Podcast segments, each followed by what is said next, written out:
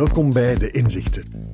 Hoog in de Gentse boektoren is vandaag criminoloog Christophe Busch onze gast. Hij is dé Vlaamse expert in collectief geweld. Tot eind 2019 was hij directeur van de kazerne d'Ossat, een gedenkplaats, museum en onderzoekscentrum over de Holocaust en mensenrechten.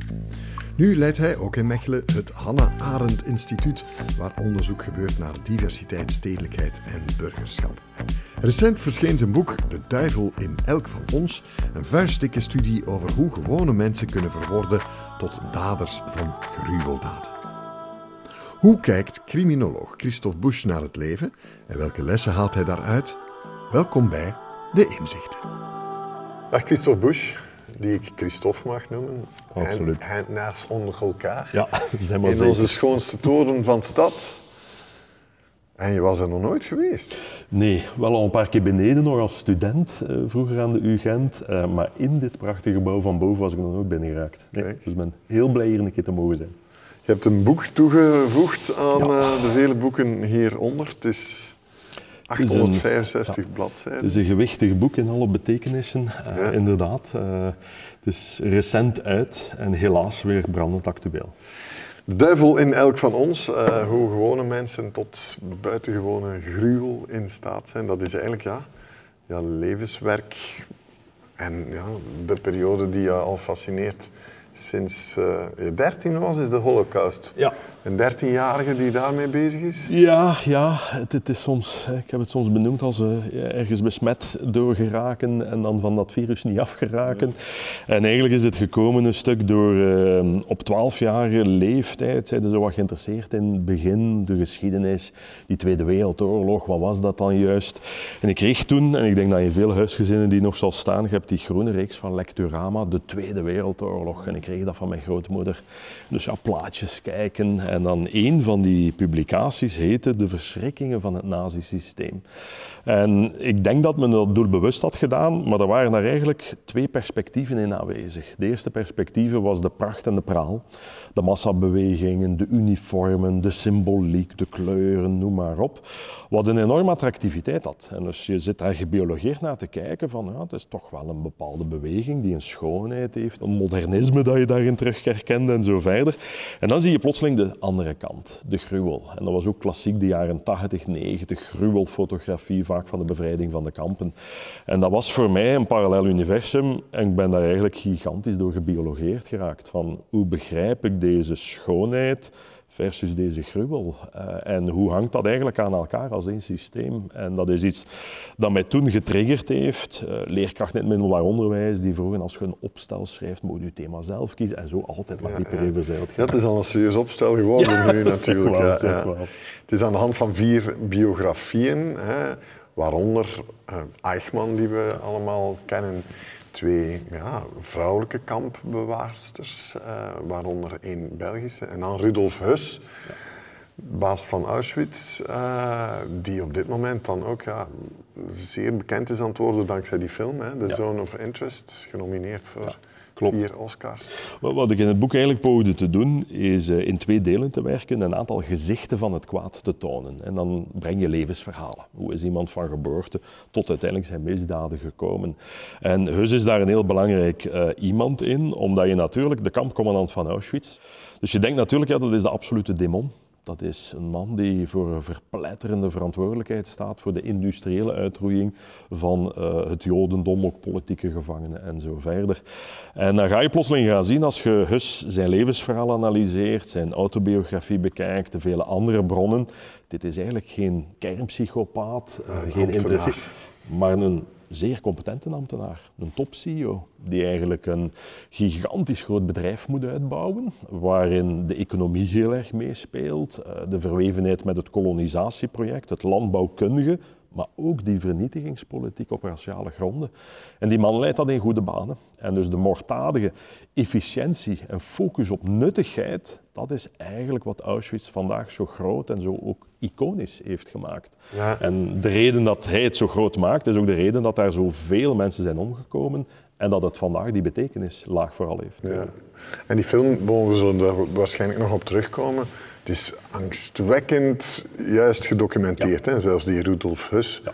lijkt als twee druppels water op de echt. Hè? Ja, het totale verhaal, wat je hoort, wat je ziet, uh, het gebouw, de tuin, hoe je de commandantuur vanuit de tuin ziet, het klopt historisch ijzingwekkend correct.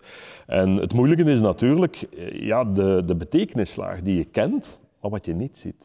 Want je ziet de schoonheid, de mooie bloemen die zo mooi zijn, omdat ze goed ja, met meststof omgeven zijn. Maar de meststof, dat is de as van de slachtoffers en zo verder. En dan zie je plotseling hoe die twee werelden verweven zijn, maar wel zoals dat Primo Levi zegt, het is een onderstebovenwereld dat op elkaar gekleefd is. Ja, je was de film een beetje tevoren met dit uh, werkje, het Hukker-album, waar je die foto's hebt laten zien van oh, wat die SS-officieren en zo deden in hun vrije tijd. Uitgerekend op het uh, moment dat men ja, dus 320.000 Hongaarse Joden nog eens door dat industrieel vernietigingscomplex wou jagen. Ja, klopt.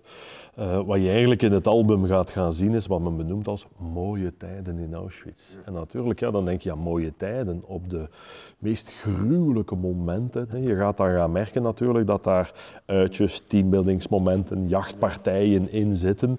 Uh, op de cover bijvoorbeeld hebben we de foto geplaatst van wat we noemen de singalong foto. Die mensen hebben net die 320.000 Hongaarse Joden in Birkenau vermoord. En wat doen ze daar? Een teambuildingsmoment na a job well done. Het industrieel vermoorden van het Jodendom. En dat is dat parallel universum. Wat zij doen, doen wij ook. Teambuilding na een heel intensieve taak. Maar natuurlijk is die taak niet het vermoorden van mensen. En dan merk je hoe dat, dat ene universum totaal moreel een ander universum is, waarin de slachtoffers niet meer als mens worden aanzien. Maar we willen dat niet herkennen, omdat het iets zegt natuurlijk over het menselijk potentieel. Goed, uh, voor de rest hebben we dus, ja, heb je inzichten voor ons meegebracht. Zullen we de eerste erbij nemen? Daarin zeg je, uh, mensen zien de dingen niet in relatie tot elkaar. Maak dat eens concreet, want dat klinkt abstract. Ja, het is een stuk dat uit mijn doctoraat komt. Um, en eigenlijk wat ik daarin triggerde was van, uh, één, de meeste mensen zien bepaalde dingen niet. Twee, men ziet de dingen niet in relatie tot elkaar. En ik ga je daar één voorbeeld uit geven. Ik uh, stoot op een fotoalbum waarin je allemaal pluizige konijntjes ziet. En dan denk je, ja, wat is dat? Hè? Het is een album dat uit de collectie van Heinrich Himmler, hè, de befaamde topnazi van de SS, kwam. En het heet het SS Angora Project. En je kijkt en je bladert door dat fotoalbum en je ziet konijntjes, je ziet konijnenstallen. Maar op een bepaald moment zie je een kaart en dan kijk je op die kaart van het Groot-Duitse Rijk en dan zie je waar staan die konijnenstallen. Auschwitz, Dachau, Buchenwald, Sachsenhausen. En dan denk je van, wat, wat, hebben die konijnen nu met concentratiekampen te zien? En dan begin je je te verdiepen en dan zie je dat is een economisch project die de SS ontwikkelt. En dat heeft alles te maken met oorlogseconomie, om warme luftwaffenmantels te maken of voor de soldaten die in Stalingrad moeten gaan vechten en zo verder. Dus dat is één van die projecten. En dan ga ik eigenlijk op zoek van hoe moet ik dat konijnenproject begrijpen. En dan lees je op een bepaald moment bronnen die je nooit zou vastpakken. Gaat bijvoorbeeld gaan kijken naar het jaarboek van de konijnenfokkers. En dan lees je één iemand die uh, ja, de voorzitter is of de president en die dus eigenlijk zegt van ja, we zijn nu Polen binnengetrokken, we hebben daar toch wel minderwaardige Poolse konijnenrassen ontdekt. Uh, onze goede broeders van de SS zijn in de concentratiekampen nu gezonde Duitse konijnenrassen aan het brengen. En dus voor mij is dat vooral heel erg boeiend, omdat ja, je moet ook die normaliteit van de daderwereld gaan begrijpen. En je ziet daar ook dan hoe bepaalde processen zoals kamplogica, um, raciale logica in alle lagen en takken van de samenleving verspreid wordt. En dat zijn de zaken die mensen niet altijd in relatie zien met elkaar. Nee, nee precies. En, en dat is wat jouw boek ook zo treffend illustreert, dat de grote interesse uh, economisch was. Dat, dat, dat eigenlijk Auschwitz ook in de beginnen niet gebouwd was als een doodsfabriek, maar, maar eerder als een fabriek met dwangarbeiders. Klopt. Natuurrubber kan je niet meer gaan halen, want je bent je Duitse Afrikaanse kolonies kwijtgespeeld. Dus je gaat dan naar het oosten lonken en zeggen van kijk, we hebben daar die grondstoffen. Wij hebben de know-how vanuit de chemische industrie om synthetisch rubber te maken. Het bedrijf IG Farben weet natuurlijk heel goed waar ze moeten zijn. Uh, zij hebben het geld ook. En wat hebben zij nodig? Ze hebben slaven nodig om de grootste rubberfabriek op het Europese continent te bouwen. En wie heeft zo'n slavenleger? Dat is de SS met zijn concentratiekampen. Ja. Dat is de reden waarom de Auschwitz zo groot is, omdat je eigenlijk een arbeidsreservoir nodig hebt. 40 vierkante kilometer Ja. of zo, dat is bijna 40, Aalst of ja, zo. hè? klopt. Dat is een gigantisch groot gebied eh, met heel veel kampen. En vandaag als mensen naar Auschwitz gaan, gaan ze natuurlijk naar het gemusealiseerde slachtoffergedeelte. Maar overal waar je in dat gebied rondloopt, zie je kamppalen, zie je barakken staan, zie je gebouwen die voormalig een andere invulling hadden in dat economische koloniale project. En ik weet niet of het dan nog gruwelijker is dat je in je boek leest dat, dat, dat men bijvoorbeeld berekent, ja, wat is zo de gemiddelde looptijd van zo'n dwangarbeider van, van, van Ja. een van de gevangenen, dat dat zo ongeveer negen maanden Ja, was. Oswald Pohl, de topman van de eh, economische tak in de SS, die is een berekening, heeft men teruggevonden waarin men zegt we verdienen zoveel Rijksmark voor een geschoolde, zoveel Rijksmark voor een ongeschoolde. En dan voel je die totale reductie van de mens tot een grondstof, tot een ingrediënt in een proces dat efficiënt moet gemaakt worden. En dan voel je natuurlijk wel vanuit welke ideologie, denkkader men bepaalde handelingen gestaan heeft. Ja.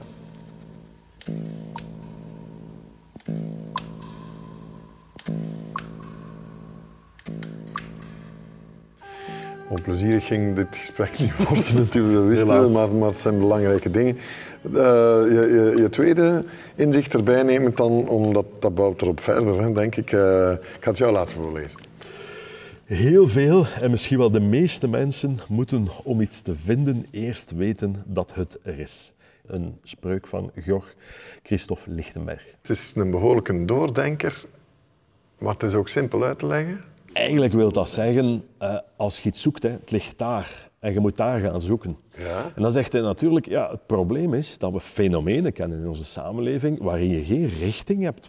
Zaken die onder de waterlijn liggen, zaken die onder het grondoppervlak liggen. En voor mij is die spreuk die Lichtenberg als natuurwetenschapper gebracht heeft, is dat heel relevant voor actuele tijden. Als je bijvoorbeeld kijkt naar extremisme, wat ga je heel vaak gaan zien? Je gaat de gewelddadige output zien. Je ziet de daad, de aanslag, de, de extremistische beweging die, die een kapitool bestormt en zo, zie. Maar ik vergelijk dat heel vaak, dat is de bamboestengel die je uit de grond ziet schieten. Men heeft dat soms ook bij, bij verkiezingen, zeggen ze, "Oh, die partij is doorgebroken of die man heeft de verkiezingen gewonnen. Ja, dat is maar de stengel. Wat eigenlijk van belang is, is dat je natuurlijk gaat kijken naar het wortelkluwen dat onder dat grondoppervlakte zit. Maar daar weten we niet altijd waar we moeten gaan zoeken. Maar het logica dat ik graag breng is van, ja, we zien dat probleem de stengel en we denken, ja, we moeten die stengel eruit trekken. Wel, dat is eigenlijk een beetje zoals bamboe uittrekken. Je begint eraan te trekken. Iedereen die dat al ooit gedaan heeft, weet dat dat een onbegonnen werk is, bamboe uittrekken. Maar dan begin je natuurlijk te voelen van, dat zit niet met een rechte wortel naar beneden, dat is een volledig wortelkluwen.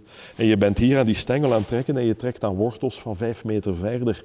En dit is eigenlijk hoe extremisme zich verspreidt. Als een wortelkluwen in vochtige grond met heel veel verbindingen, waarin bepaalde giftige denk- en handelingskaders goed gedijen.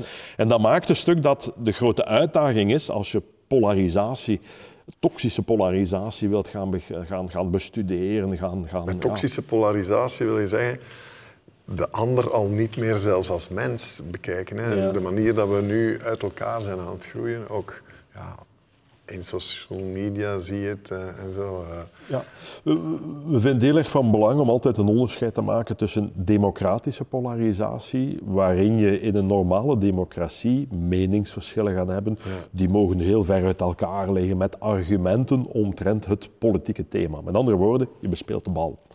Maar toxische polarisatie is als je niet meer het politiek legitieme thema vastpakt, niet meer als je met argumenten afkomt, maar als je vaak soort essentialistische labels op groepen gaat kleven. En dat kan alleen maar gif- giftiger worden als je die groepen nog eens ontmenselijkt, als een bedreiging voor je eigen welvaart gaat voorstellen en zo verder. En als je radicalisering wil tegenaan gaan, ja, wacht niet tot op het einde, wacht niet tot wanneer je een stengel zit. Je moet gaan kijken in die bodem, maar we weten dat we niet altijd de richting kennen van waar we moeten gaan kijken. En dat is wat een criminoloog natuurlijk kan, omdat jullie niet enkel kijken naar de dader van de daad, maar zelfs proberen dan te begrijpen waar die daad vandaan komt. Ja, maar ik heb natuurlijk twaalf jaar in de forensische psychiatrie gewerkt. En als wij dus iemand hadden bij ons die geïnterneerd was, strafbare feiten had gepleegd, maar ontoerekeningsvatbaar verklaard was, dan moesten wij een criminogenese opstellen. Dat wil zeggen, je gaat van het moment van delict terug tot aan de baarmoeder van de moeder. En je gaat die persoon heel zijn levensgeschiedenis uiteen gaan rafelen. Niet om excuses te gaan zoeken van ja, het is scheefgelopen, maar wel om te gaan kijken hoe is iemand zijn zijn, zijn denken, zijn, zijn handelen, zijn groepsdynamiek, zijn milieu allemaal gegroeid. En hoe speelt dat complex samenspel van factoren mee dat uiteindelijk tot die daad heeft geleid. En dat is eigenlijk ook de logica waar je naar collectief geweld moet doen. Ik bedoel, collectief geweld ontstaat niet vanuit een ideologie, uh, een bepaalde machtsgroep die, die heel de samenleving bederft. Nee, het is een samenspel van factoren. En dat maakt dat het heel complex is. Maar dat is wat criminologen doen. Niet ter verschoning, ter verontschuldiging, maar wel aan te gaan kijken van wat speelt er allemaal mee en waar zou je kunnen op interveneren dat die persoon of die groep of die beweging of die samenleving niet opnieuw afglijdt in patronen die we uit de geschiedenis kennen. Ja, want dan zeg je, uh, bon, uh, de meeste mensen moeten het uh, zien om te weten dat het er is, maar wat wij zien vandaag natuurlijk is voor verschillende groepen iets totaal anders. Neem een Trump-hater of een Trump-lover, die hebben al niet meer dezelfde informatiestroom. Nee, klopt. En eigenlijk ga je in de geschiedenis altijd zaken gaan zien dat waarheid met regelmaat van de klok onder druk komt te staan. Je hebt gebeurtenissen, een pandemie, uh, een oorlog. Hè. Dat zijn zaken die heel erg waarheidssysteem onder druk zetten, omdat je strijdende kamplogica hebt. Twee, die nieuwe technologie. Dus telke malen er nieuwe communicatie- en informatietechnologie komt, bepaalt dat op een bepaalde wijze hoe informatie door een samenleving stroomt of zelfs stormt. In de jaren 20, 30 was bijvoorbeeld de technologie was een soort visualiteit brengen. We kregen toen heel erg beeldkranten, uh, beeldreportages. En dan ga je gaan zien dat er bewegend beeld komt. En we weten natuurlijk dat het beeld vele malen sterker werkt dan het woord. Rassenlogica is visueel in de samenleving binnengebracht. Is niet met teksten. Maar op dat moment was de radio een instrument waarin je in de huiskamer van alle mensen mensen kon komen. En dan kreeg je een prachtige opera van Wagner en daarna de raciale, ideologische betekenis van Wagner op deze Duitse samenleving en zo verder.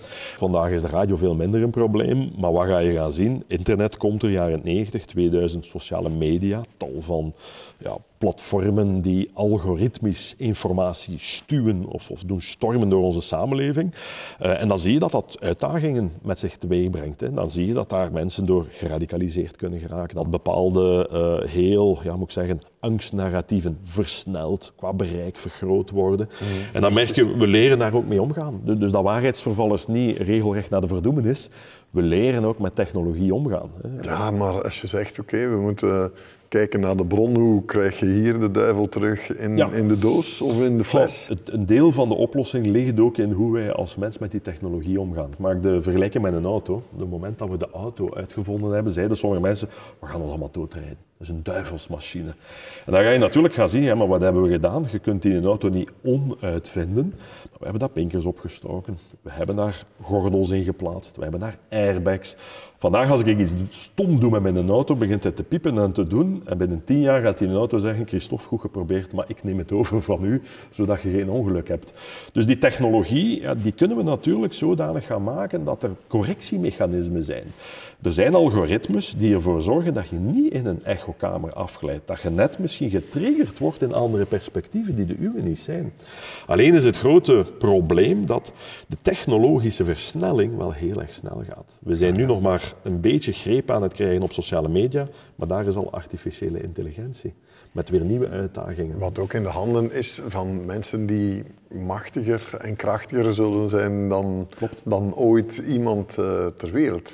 Als je kijkt naar artificiële intelligentie, zullen prachtige dingen uitkomen. Denk aan medische beeldvorming en zo verder.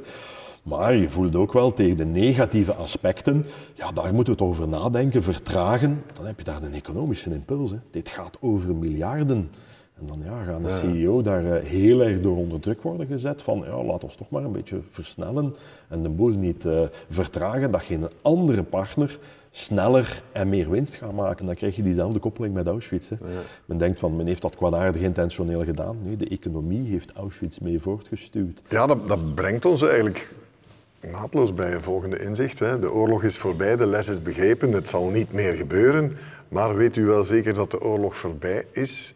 Van Jonathan Littell en uit De Welwillenden, uh, andere grote roman waar, waar we de hele holocaust zien aan, aan de foute kant vertelt eigenlijk. Hè?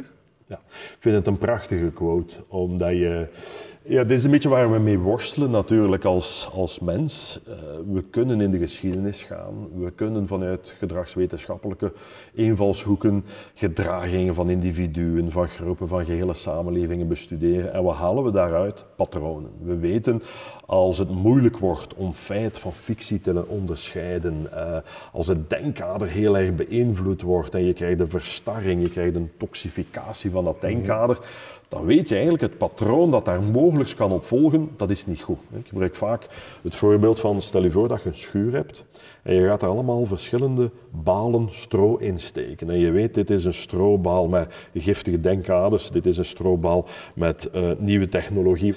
Als die schuur vol komt, ja, dan wil dat niet zeggen dat die schuur in brand gaat schieten. Alleen weet je, als daar een vonkje is, een gebeurtenis die je niet onder controle hebt, die je niet kan zien, dat een schuur met drie balen veel minder hard gaat branden dan een schuur met dertig balen. Ja.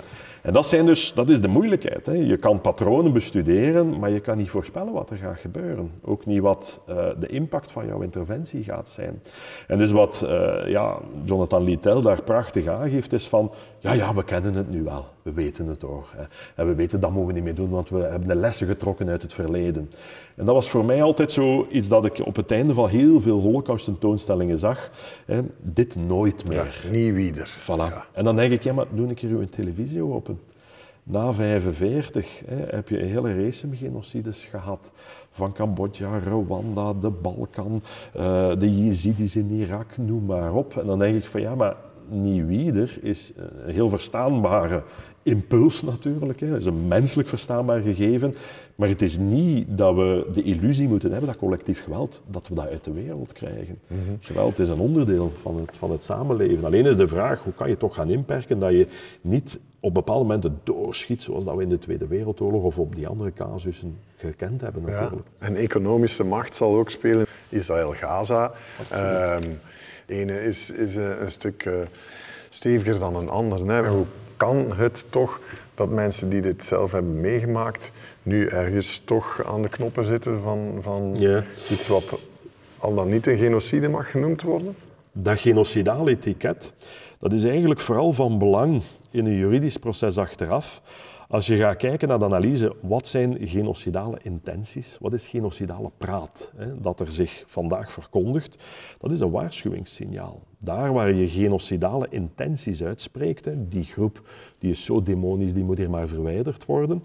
Van zodra daar die taal, die terminologie, die verhalen komen, dan krijg je een grotere kans ook op genocidale handelingen. Dus die taal, dat zien we, dat is gedocumenteerd. Hè. Helaas, pijnlijk. Tot in Israël, bedoel je? In Israël evengoed van Hamas ga je die taal gaan horen. Dus je voelt heel duidelijk uit die twee groepen zitten met een totaal vijandsbeeld. En dan ga je gaan merken, dit zijn gevaarlijke scenario's. En ik maak het vaak ook heel concreet door te gaan zeggen van kijk, maar als je nu een slachtoffer bent, hè, je bent een van de Israëlische slachtoffers op 7 oktober, hè, van de honderden mensen die vermoord zijn, of je bent een slachtoffer, een burgerslachtoffer in Gaza, die mensen liggen niet wakker hoor. Is het nu een genocide? Of is het massamoord? Of is het mensenrecht? Of is het oorlogsschendingen? Daar liggen ze niet van wakker. Ze liggen wakker van, ja, ik kan hier elke moment vermoord worden. Dat is eigenlijk de essentie. Iedereen is het erover eens. Dit is collectief geweld. Dit zijn gegarandeerd misdrijven die worden gepleegd. Dit moet stoppen. Het geopolitieke is ook super cruciaal. Israël is natuurlijk een, een, democratie binnen een bredere context waarin de democratie heel erg uitgedaagd wordt. En dan ga je natuurlijk ook gaan kijken van, ja, je zit daar nu met die strijdende partijen waarin er natuurlijk Hamas is, die een terreurbeweging is, die uh, geweld pleegt. En er is een legitieme strijd tegen terreurorganisaties natuurlijk. En dan heb je natuurlijk ook Israël, die ja, een, een, track record heeft in het internationaal, niet volgen van internationaal recht. En dus ook misdrijven pleegt in die context. Maar dan ga je gaan zien natuurlijk dat dit heel moeilijk is soms voor uh, conflictpartijen om daar zelf uit te geraken. Dat je merkt ook van het zijn niet die twee partijen. Qatar speelt mee, Amerika speelt mee, de stabiliteit Wij in het spelen mee of we spelen niet mee. Wij spelen in mindere mate mee. We spelen ook mee, maar in mindere Meespelen mate. is, is Voilà. ook een rol opnemen. hè? Je voelt dat Europa heel vaak een grote uitdaging kent om, om ja, alleen al eens te worden vanuit een Europees perspectief en dan ook het gewicht te gaan leggen wat we wel zouden kunnen doen. En in België speelt men een rol. hè. Men gaat zeker nu als voorzitter van het eh, Europese Commissie zijn rol spelen, gaan duwen dat Europa inderdaad een aantal duidelijke standpunten inneemt. Je ziet natuurlijk dat je twee landen hebt die evident heel erg verstrengeld zijn met die, met die holocaustgeschiedenis. Je gaat Israël hebben, wat toch wel het land van de slachtoffers is natuurlijk, waarin de grootste gemeenschap in relatie tot die holocaust gaat gaan wonen. En waar ook dat, dat bewustzijn leeft van niet ieder slachtoffer van, Voilà. van we gaan dit Dat is de rode hè. draad. In Israël ga je natuurlijk het verhaal gaan krijgen van hoe zorgen we ervoor dat we niet opnieuw zo een gigantische calamiteit moeten ondergaan. En het is geen calamiteit, het is een man-made eh, disaster hè, dat je daar gaat zien. Dat is eigenlijk een logisch perspectief vanuit een slachtofferpositie. En soms kan dat doorschieten dat je eigenlijk een fenomeen krijgt van destructief recht. Wij gaan al aanvallen vooraleer men ons kan aanvallen. Dat zijn fenomenen die beschreven zijn, zowel in individuele als in collectieve psychologie. Maar je gaat bijvoorbeeld ook langs de andere kant gaan krijgen, in Duitsland, dat ook evident verstrengeld is met die geschiedenis van de holocaust, krijg je natuurlijk dezelfde emotionele collectieve schuldmechanismes langs die kant. En daar is de andere vraag, hoe kunnen we ervoor zorgen dat we nooit geen dader niet meer zijn? En dan zie je dat de geschiedenis ja, natuurlijk compleet verstrengeld is met de hedendaagse politiek. Wat ik ook heb onthouden is dat je zegt, eh, een genocide, en zelfs bij uitbreiding in oorlog, is nooit gestopt zonder dat men komt interfereren. Hè? Voilà. Dus Wat ik denk, we niet zijn aan het doen, toch? Eh, wat we op dit moment ehm, aan het doen zijn op andere niveaus. Hè. Dus je kan interfereren op een militaire context natuurlijk. Hè. De Rwandese genocide, de Tweede Wereldoorlog is gestopt omdat ja, de dadergroep is overwonnen natuurlijk. Eh, maar je gaat natuurlijk vandaag zien dat naast militair oorlogsvoeren je cyberoorlog, je economische oorlog gaat hebben en, en dat, dat speelt allemaal mee. Dat is natuurlijk de vernieuwingen die we vandaag gaan hebben. Dus bijvoorbeeld economische druk leggen, eh, oproepen tot economische sancties en zo. Ja, dat is het nieuwe spectrum waarin de oorlog, de conflicten vandaag ook eh, meespelen natuurlijk. Ja. Want hier heb je nog veel zitten studeren, toch? klopt, klopt.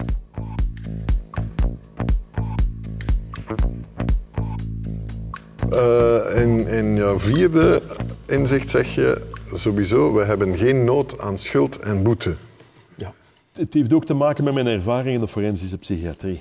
Eh, in de zin dat als je gedrag wilt veranderen van een individu of een groep of een samenleving, dan is het moraliserende vingertje, je bent fout geweest, je mag dat niet doen, denk maar eens na. Dat is een weinig efficiënte manier om gedrag, inzichten te gaan veranderen. Wat een beter term zou zijn voor mij is, hoe neem je verantwoordelijkheid? Ehm, ik heb geen schuld, en ik vind niet dat ik moet boeten in die logica, voor wat er vorige eeuw koloniaal allemaal is scheefgelopen door de Belgen. Dan denk ik van ja, ik was er niet. Maar als ik door het station in Antwerpen loop, dan kijk ik naar dat gebouw. Als ik de mooie galerijen in Oostende zie of in Brussel, het Jubelpark, dan weet ik wel, ik heb hier eigenlijk als Belgische nakomeling een verantwoordelijkheid. Want dat, dat station, die galerijen, die zijn gebouwd op basis van de economische rijkdom die we uit onze kolonies gehaald hebben. En in de beginfase is dat met heel veel geweld gepaard gegaan. En er zijn allerlei graduele varianten dan gekomen, hè, waarin je zegt van ja, sommige mensen spreken vandaag ook nog over neocolonialisme en zo verder. Dus je kan daar allemaal heel boeiende discussies over voeren. Maar schuld, en nu gaan zeggen elke Belg moet zich schuldig voelen, dat gaat niet werken. Integendeel, het gaat een omgekeerd effect ja. hebben. Wat we ook Maar- zien. Wat we in onze samenleving merken. Hè. Mensen zeggen, ja, maar sorry, hè, ik heb daar niks mee te zien. Ik heb ik mijn eigen problemen. Ja. Dus wat ik denk dat, dat de opdracht is, is heel erg van hoe kan je toch een samenleving duwen in de richting van verantwoordelijkheid nemen. Hè. En dat is eigenlijk wat we in de psychiatrie ook deden. Je hebt iets gedaan dat totaal fout was. Je hebt de strafwet overtreden. Je hebt verantwoordelijkheid voor herstel naar dat slachtoffer. Je hebt verantwoordelijkheid om in de toekomst te zorgen dat dit niet meer gebeurt. Wel, betrek het naar die grootschalige processen. We hebben een verantwoordelijkheid als we zoveel inzicht hebben in het koloniale geweld. Hoe zou dat vandaag in moderne varianten zich voltrekken en wat zouden we kunnen verhinderen om niet in dezelfde fouten te trappen? En dat is veel efficiënter en doelgerichter in de actualiteit dan te gaan zeggen wij moeten boeten voor het verleden. Ja. Dus schuld en boeten is een logisch gegeven, maar is geen bruikbaar gegeven volgens mij. Want in een rechtbank kijkt men vaak, en criminologen doen dat, is er schuldbesef bij, bij de dader. Ja. Maar dat is dus niet de juiste manier om het te Uh, wel, ja, ik zou zeggen, vliegen. is er verantwoordelijkheidsbesef, is er een herstelgerichte benadering, maar je moet je wel een keer de vraag stellen natuurlijk, als je naar het penitentiaire, het strafrechtelijke gaat kijken. Je hebt iemand, je zegt, jij bent schuldig, je gaat tien jaar in de gevangenis zitten, hè, en stel nu voor, men doet er niks mee. Dan denk je van, ja, heb je die man herverbonden met de samenleving, met de normen en waarden. Nog belangrijker, het slachtoffer, dat ook gedisconnecteerd is, losgekoppeld is door de misdaad, heb je dat slachtoffer ook weer kunnen herverbinden in de vorm van burgerschap, vertrouwen, verantwoordelijkheid nemen. En dan merk je toch wel dat ons huidig strafrechtssysteem tracht daar op te werken, maar faalt op heel veel domeinen. En ik denk als je zou kunnen beginnen van, kijk, je hebt dit gedaan. Je hebt de verantwoordelijkheid om te herstellen en dat dit nooit meer gebeurt. En vanaf dag één richten we ons daarop. Wij gaan met u aan de slag. Niet dat je in de hoek moet staan en dat je een keer moet nadenken. Nee, nee, dat dit nooit meer gebeurt. En dat je een herstel kunt gaan faciliteren, dat zou een veel positievere impact gaan hebben. Maar dat vereist een enorme investering aan de voordeur. En dat doen wij zelden. Wij kijken van, ja, ze zijn opgesloten, het is goed, je doet er niet veel mee. En dan krijg je een investering aan de achterdeur omdat je heel veel recidieven hebt. Het is niet, er is geen leerproces, er is geen verantwoordelijkheidsproces. Mensen hervallen in feite weer en dan kom je weer opnieuw in de draaimolen terecht. En daar gaat al ons geld naartoe. Ja, dat we is heel pijnlijk. Hè? in Europa al meermaals voor eigenlijk veroordeeld. Hè? Dat mensen gewoon opsluiten en er, zoals je zegt, quasi niks mee doen. Dat dat een, een soort foltering Ja, is. klopt. Hè. Eh, het gaat dan heel specifiek over de geïnterneerde situatie. Dus mensen die strafbare feiten gepleegd hebben, maar ontoerekeningsvatbaar verklaard zijn. En als je die mensen vanuit veiligheidsoverwegingen om de samenleving te beschermen gewoon opsluit in de gevangenis, omdat de zorg afwezig of niet voldoende is, ja, dan zegt Europa, dit is een folterpraktijk. Die mensen hebben recht op verzorging.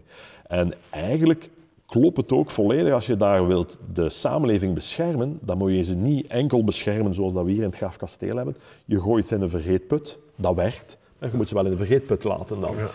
Maar als je natuurlijk ervan uitgaat, ja, die mensen moeten weer opnieuw in de samenleving, ja, dan moet je wel mee aan de slag gaan. Dan moet je daar iets mee doen. En dat zal behandeling zijn. En behandeling is geen lachertje. Dat is van s ochtends vroeg tot s avonds laat dat men aan uw veren zit te trekken. Om te zeggen, ja, maar je denkt dat en je zou dat moeten en daar en zo. Ja, en dat is een moeilijk proces en vereist weer ja, een, een intensieve investering die je achteraf terugbetaald gaat krijgen, omdat je weer mensen verbonden hebt aan de samenleving. En dan toch om, om de boel misschien iets eh, positiever te laten kantelen. Je volgende inzicht, daar zeg je, dit zijn de beste tijden om in te leven, zegt de man die eh, net 30 jaar van zijn leven heeft gewijd aan genocides en de meest vreselijke Ja. dingen die mensen doen. Klopt.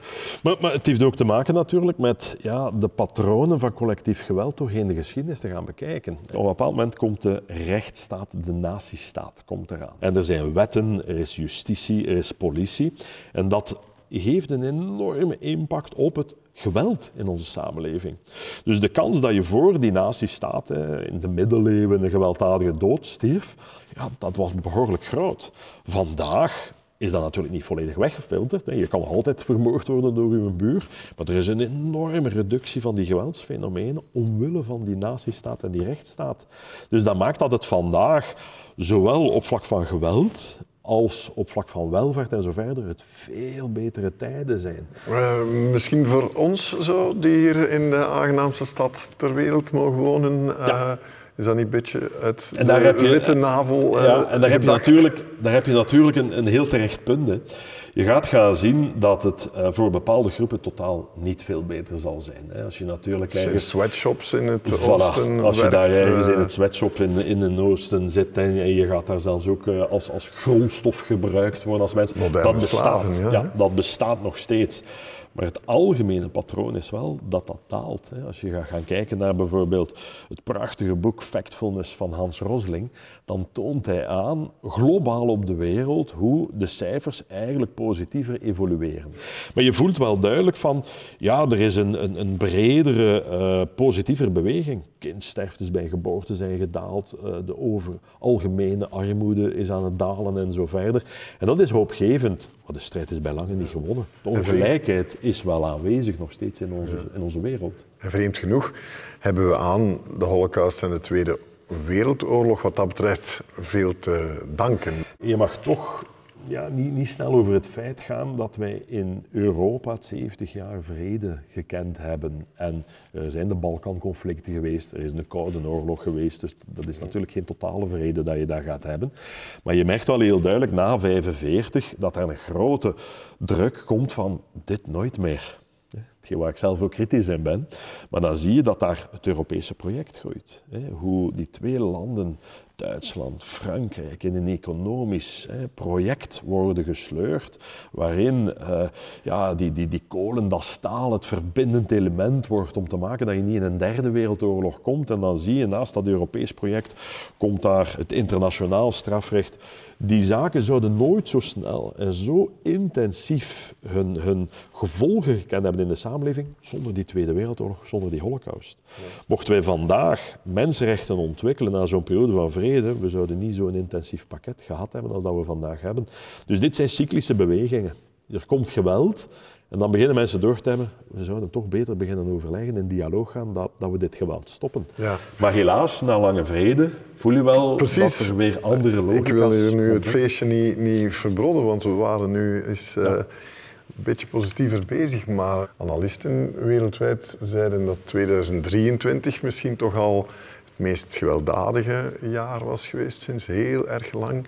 Zoveel conflicten die herop flakkeren. Dan ja, klimaat heb je erbij, een uitdaging die niemand ziet komen, biodiversiteit. Maar ook ja, artificiële intelligentie, waar we niet weten wat we daarmee gaan moeten doen. Het worden barre tijden ook. Ja, en al die zaken die je juist opgezongen dat zijn realiteiten die ons menselijk samenleving heel erg onder druk gaan zetten. We kunnen niet voorspellen wat er gaat gebeuren, maar ik maak mij zorgen over het aantal balen hooi dat in de, in de hooischuur zich aan het stapelen zijn op dit moment. Maar ik weet niet of dat er een gebeurtenis gaat zijn die heel de hooischuur in brand gaat steken, maar dat kan je niet gaan voorspellen. Maar ik koppel heel graag, om, om toch wel de mensen die met een depressie op te zadelen natuurlijk, uh, het aan een, een heel belangrijk concept dat Hannah Arendt als vrouwelijke politieke denkster ons ooit geschonken heeft. En ze komt af met dat concept nataliteit. Ze zegt, wat kenmerkt de mens? Je wordt eigenlijk telkens opnieuw geboren telke malen je in de publieke ruimte treedt, uw mening verkondigt, een inzicht deelt, uh, een politieke standpunten gaan innemen, dat is een hergeboorte. Dat is opnieuw in die wereld komen en weer opnieuw trachten er iets van te maken. Na 45 is er een enorme hergeboorte. Er gaat zich een volledig nieuwe orde ten opzichte van de vorige orde zich gaan ontwikkelen. En dit is een, laat mij zeggen, optimistisch gegeven. Gaan we door een dal op dit moment? Ja. Hoe diep gaat dat dal zijn? Dat weten we niet. Dat heeft met zoveel factoren te maken. We hebben een aantal inzichten in patronen, dus we kunnen wel lessen trekken om het dal toch niet te diep te maken, maar we moeten ons best doen dan. En dat is complex. Ja. Maar zelfs na dat dal, hoe diep die ook zal zijn, wat gaat de mens doen? We gaan opnieuw beginnen. En we gaan weer opnieuw in die ruimte komen en zeggen, dit toch niet meer. En de vraag is, hoe kan je de diepte van een dal wat gaan beperken? Maar dat je naar een berg en een dal gaat en dat dat continue cyclus is, ja, dat is gewoon het leven. Maar zo op bepaalde momenten zo in de drukte gaan zitten om rust te vinden. Je laatste inzicht luidt als volgt. De goedheid die we doen zit vaak in het kleine. En dat komt van uh, Emmanuel Levinas. Ja. Klopt. Joods filosoof. Uh. Nog iemand die vanuit ja, de filosofische traditie toch wel een belangrijk concept meebrengt. Met andere woorden, kleine goedheid.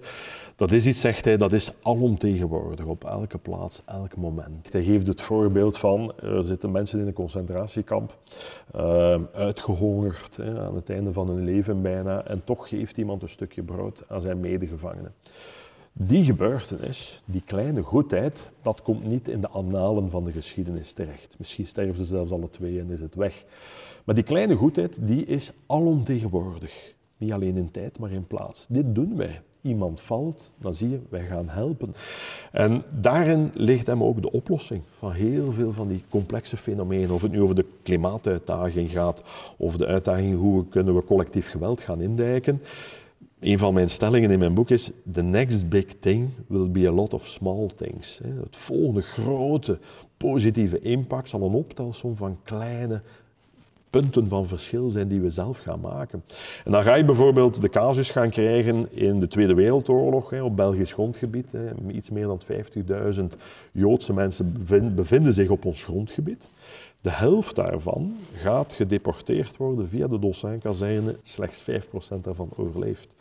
De andere helft overleeft de holocaust niet dankzij een groot centralistisch reddingsplan, maar door de kleine lokale beslissingen die een gezin maakt door dat kind in zijn gezin op te nemen, een Vlaamse naam te geven. Die twee kinderen kunnen naar die instelling gaan onder een andere schuilnaam. Wel, dit gaat stimuleren, dat toont lichtpuntjes gaan zeggen van kijk, wat kan je gaan doen? Want als je zegt van de klimaatuitdaging is zo een monsterlijk grote uitdaging, zeg ja, help. En dan kom je in een soort burn-out, shut-down fase, het helpt niet meer, vooruitgangsoptimisme vervalt en zeg ja, het maakt allemaal geen zin meer, de wereld is naar de knoppen. Dit gaat ons niet helpen. Maar als je kan beginnen wijzen en zeggen van kijk, kijk een keer wat langer naar de hemel.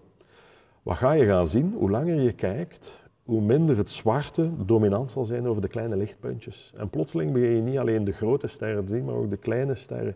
En dan zie je, die sterrenhemel zit vol met lichtpuntjes.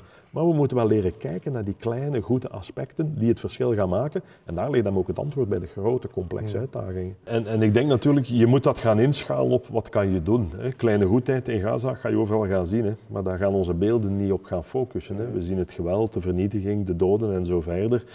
Maar in die beelden zie ik ook hoe de mensen in de meest extreme omstandigheden trachten elkaar te helpen, trachten elkaar te redden, trachten puin eh, uit te graven om mensen. Ook dat is allemaal kleine goedheid, maar natuurlijk dat lost het probleem daar niet op. Dus je moet de gevoelens van machteloosheid en de kwaadheid en de, ja, de zuigkracht weer naar die toxische polarisatie, ja, dan moet je toch wel trachten ombuigen en te zeggen van waarin kunnen we het verschil maken. En dat zit heel vaak in dat kleine, lokale, waarin je toch wel een impact hebt. En als je dat samen doet en een grote druk legt op onze politici, dan gaan die zich heel erg onder druk geplaatst voelen om ook daar druk te leggen. En zo werkt het mechanisme. En het is voor mij vooral van, lost dat de zaken onmiddellijk op? Helaas niet. Helaas moet je soms hè, wederom door dat heel diep dal gaan. Maar vergeet ons niet dat diepe momenten van geweld, inzinking, klimaatrampen en zo verder. Het is op dat moment dat je ook die mogelijkheden moet gaan tonen. Mensen, wij maken dit mee. We konden dit eigenlijk voorspellen dat dit er ging komen, want de hooischuur stond vol. Nu staan we in het geweld of met onze voeten in het water met helaas zoveel doden willen we nu de verantwoordelijkheid nemen. Dus don't miss a crisis as a next opportunity, zou ik zeggen.